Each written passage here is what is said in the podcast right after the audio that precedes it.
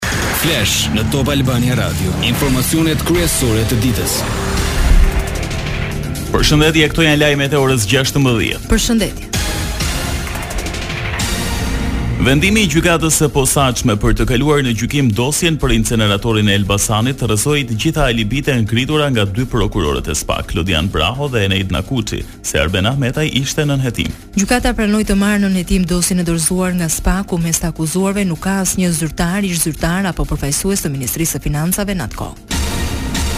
Ministria e Financave apo ajo e Ekonomisë dhe Sipërmarrjes që drejtohej nga Metaj në kohën e dhënies së koncesionit nuk përmenden fare në dosjen e inceneratorëve. Në vend të tyre nën akuzë janë marrë ish-anëtarët e Komisionit të Vlerësimit të Ofertave që kanë hartuar kontratën e koncesionit por jo firmëtarët e kësaj kontrate, siç deklaroi në fund të seancës paraprake avokati Saimir Vishaj. Vendimi i gjykatës rrëzoi të gjitha alibitë proceduriale të ngritura nga dy prokurorët e SPAK, sa herë që në media denoncoheshin prova që implikonin Arben Ahmetajn.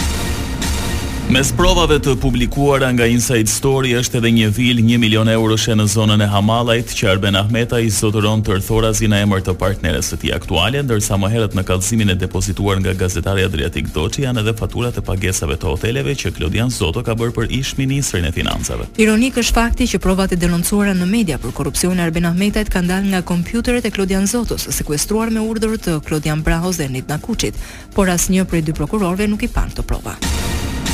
Prokuroria e Elbasanit kërkon masën arrest shtëpie për gjashtë efektivët Shqiponja, të cilët dyshohet se kishin informacion për strukturën e mbrojtjes së votës që lëvizte e armatosur dhe nuk kanë marrë masa. Në seancën e fundit, dy ish-nëndrejtorët e Policisë së Elbasanit deklaruan se ngjarja nuk zgjati më shumë se tetë sekonda, ndërsa u zhvillua mes kaosit në një zonë shumë të populluar, çka e bëri të vështirë ndërhyrjen parandaluese. Kujtojmë se Arbër Paplekaj akuzohet për vrasjen e Pjerin Xhuvanit më njëzet e një prill dy mijë e njëzet e një në Elbasan.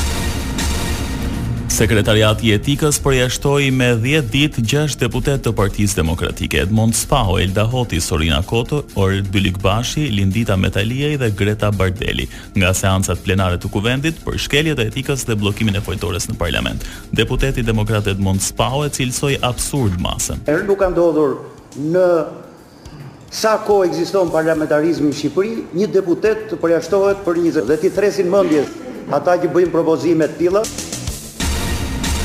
Në një tryezë diskutimi me urbanistë dhe arkitektë, kryebashkiaku i Tiranës, Erion Veliaj, vuri në dukje përmirësimin e cilësisë së jetës në kryeqytet dhe kjo falë përmirësimit edhe të transportit publik.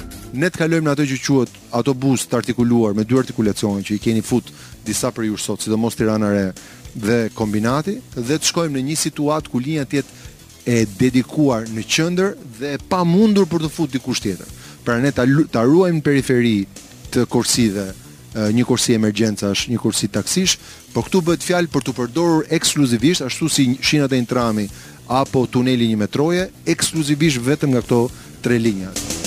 Veliaj foli dhe për linjat e shpejta të autobusëve urbanë që do futen në Tiranë gjatë sezonit veror. Vërejtja më e madhe dhe pse njerëzit përgjithësisht pranojnë që janë dyfishuar autobuzët, ka ra koha e pritjes. Prap një nga ankesat është që autobuzët ecin pak ngadalë. Në momentin që linja e dedikuar i çon nga 9.5 në 19.4 kilometër, pra praktikisht më shumë se sa dyfish. Kjo përgjysmon dhe kohën e ciklit, pra në qoftë se sot ciklin e ke 54 minuta, të shkon cikli në 24 minuta dhe volumi i pasagjerëve duke futur këto lloj mjetesh shkon nga 9000 në 23000 udhëtar në orë, Unë besoj që është një rritje e jashtëzakonshme cilësore.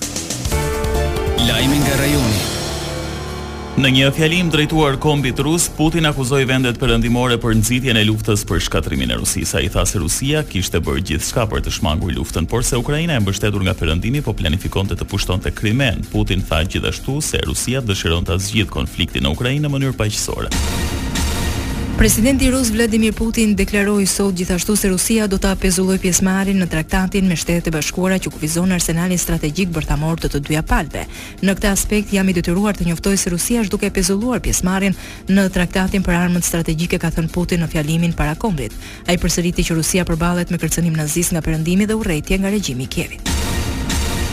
SHBA i përgjigjet Putin, këshilltari i Shtëpisë së Bardhë për Siguri Kombëtare, Jake Sullivan tha se pretendimi i Putinit se lufta në Ukrainë është nxitur nga Perëndimi është absurditet. Askush nuk është duke sulmuar Rusinë. Është e paprecedentë të thuhet se Rusia ka qenë në një formë të kërcënimit ushtarak nga Ukraina apo kushdo tjetër. Art dhe kulturë. Është ndarë nga jeta në moshën 85 vjeçare aktorja e njohur e skenës Mimika Luca. Aktorja ikonike u lind më 24 dhjetor 1937 në qytetin e Gjirokastrës.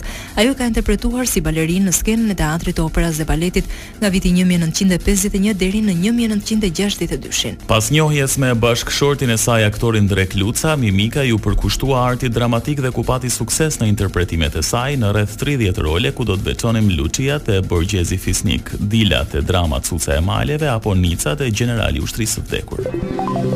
Parashikimi i motit. Edhe në vazhdim moti në vendin tonë do jetë me kthjellime dhe vranësira të pakta, kryesisht në zonat malore. Sot kemi ditë të ngrohtë me temperatura që shkojnë deri në 21 gradë Celsius në zonat e ulëta.